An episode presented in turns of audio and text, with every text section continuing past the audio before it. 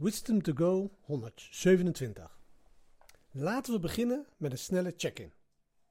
In welke richting ga jij nu op?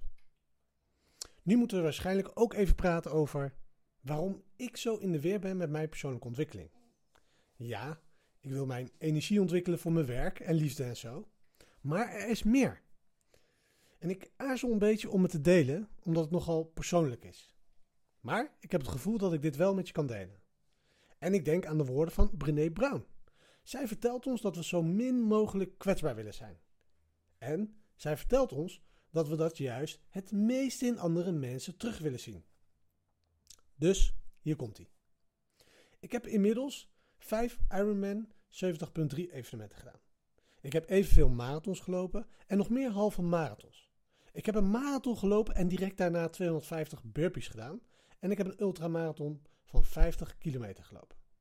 Het waren natuurlijk geen geweldige tijden, maar ik heb ze wel allemaal uitgelopen.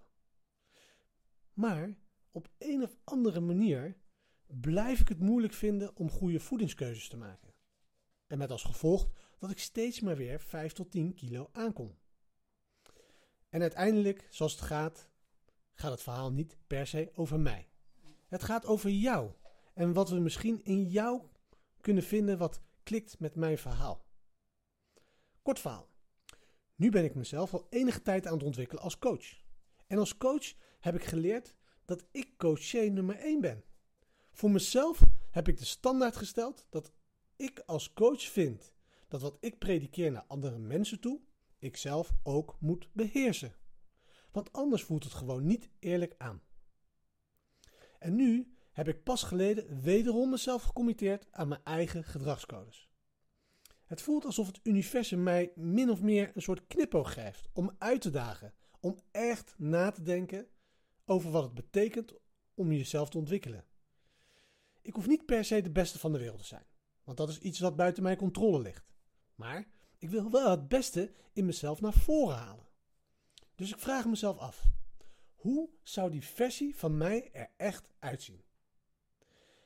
En ik moet bij het schrijven van dit verhaal Ellen Langer kennen. Denken.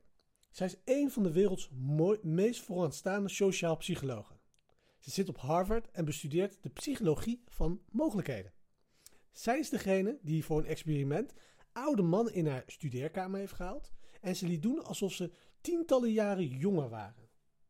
En, wonderbaarlijk, binnen één week begonnen hun lichamen te veranderen in een jongere versie van zichzelf. Gek verhaal, hè? Zoek het maar op. Ellen Langer. Ellen Langer. Zij is degene. Nou, genoeg daarover. Hoe dan ook. Ze vertelt ons dat ons potentieel gewoon onbekend is. En dat we onszelf veel te gemakkelijk beperkingen opleggen. En daar klikt iets in mij. Ik heb daarom besloten om me in te spannen binnen de beperkingen van mijn realiteit, waarin ik prioriteit geef aan mijn werk en de liefdevolle relatie in mijn leven, om te zien waar ik toe werkelijk in staat ben. En ik moet hier ook bij denken aan het verhaal van Michael Gelb. Michael is een Qigong-meester. Hij oefent elke dag in zijn eentje. Maar af en toe gaat hij naar zijn plaatselijke dojo om wat push-hands te doen.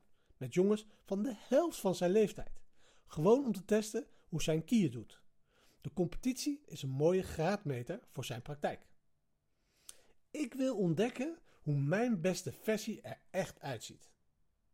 En natuurlijk is het een uitdaging van moment tot moment.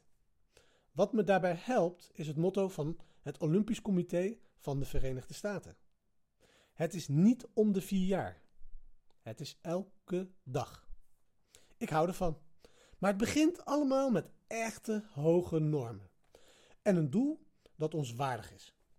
En dit brengt ons bij het punt van de microles van vandaag. Hoe ziet jouw beste versie er echt uit? En doe je met me mee?